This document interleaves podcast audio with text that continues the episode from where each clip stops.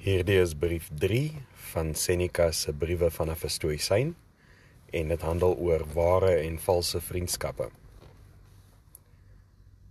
Jy het vir my 'n brief gestuur deur die hand van 'n vriend van jou, soos jy hom noem. En in die volgende sin waarsku jy my om te vermy om jou sake vryelik met hom te bespreek, aangesien jy nie eens in die gewoonte is om dit self te doen nie. Met ander woorde, jy het hom beskryf as 'n vriend en dit dan in een en dieselfde brief ontken. Nou, as jy daardie woord in 'n algemene sin gebruik en nie volgens die streng betekenis daarvan nie en hom 'n vriend noem op dieselfde manier as wat ons na kandidaate verwys as menere of iemand groet met my liewe kerel wanneer ons hom ontmoet omdat ons sy naam vergeet het, kan ons dit laat verbygaan. Maar indien jy iemand as 'n vriend beskou, terwyl jy hom nie vertrou soos jy jouself vertrou nie, maak jy 'n ernstige fout en het jy nie daarin geslaag om die volle krag van ware vriendskap voldoende te begryp nie.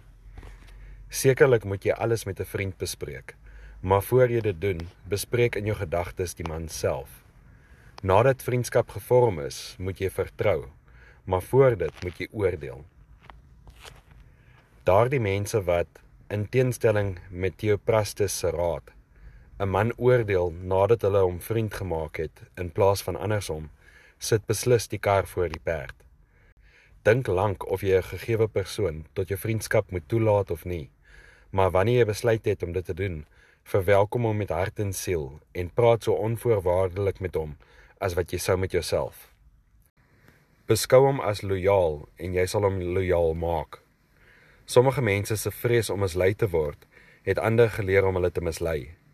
Deur hulle agterdog gee hulle ander die reg om hulle die verkeerde ding aan te doen. Hoekom moet ek enigiets terughou as ek by 'n vriend is? Hoekom moet ek my nie verbeel ek is alleen as ek in sy geselskap is nie?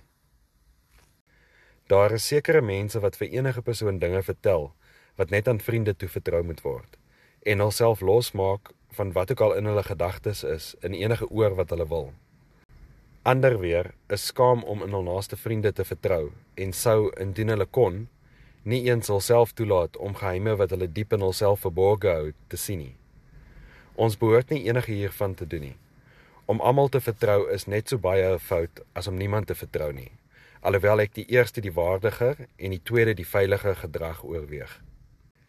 Net so verdien mense wat nooit ontspan nie en mense wat altyd in 'n ontspanne toestand is jou afkeer eersgenomene net soveel as laasgenomene.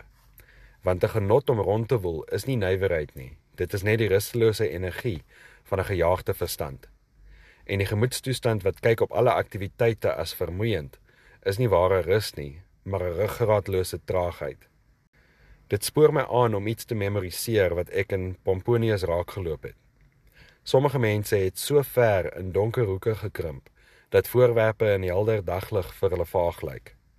'n gebalanseerde kombinasie van die twee houdings is wat ons wil hê. Die aktiewe persoon moet dinge maklik kan vat, terwyl die persoon wat tot rus geneig is, in staat moet wees tot aksie. Vra die natuur. Sy sal jou vertel dat sy dag en nag gemaak het. Vaarwel.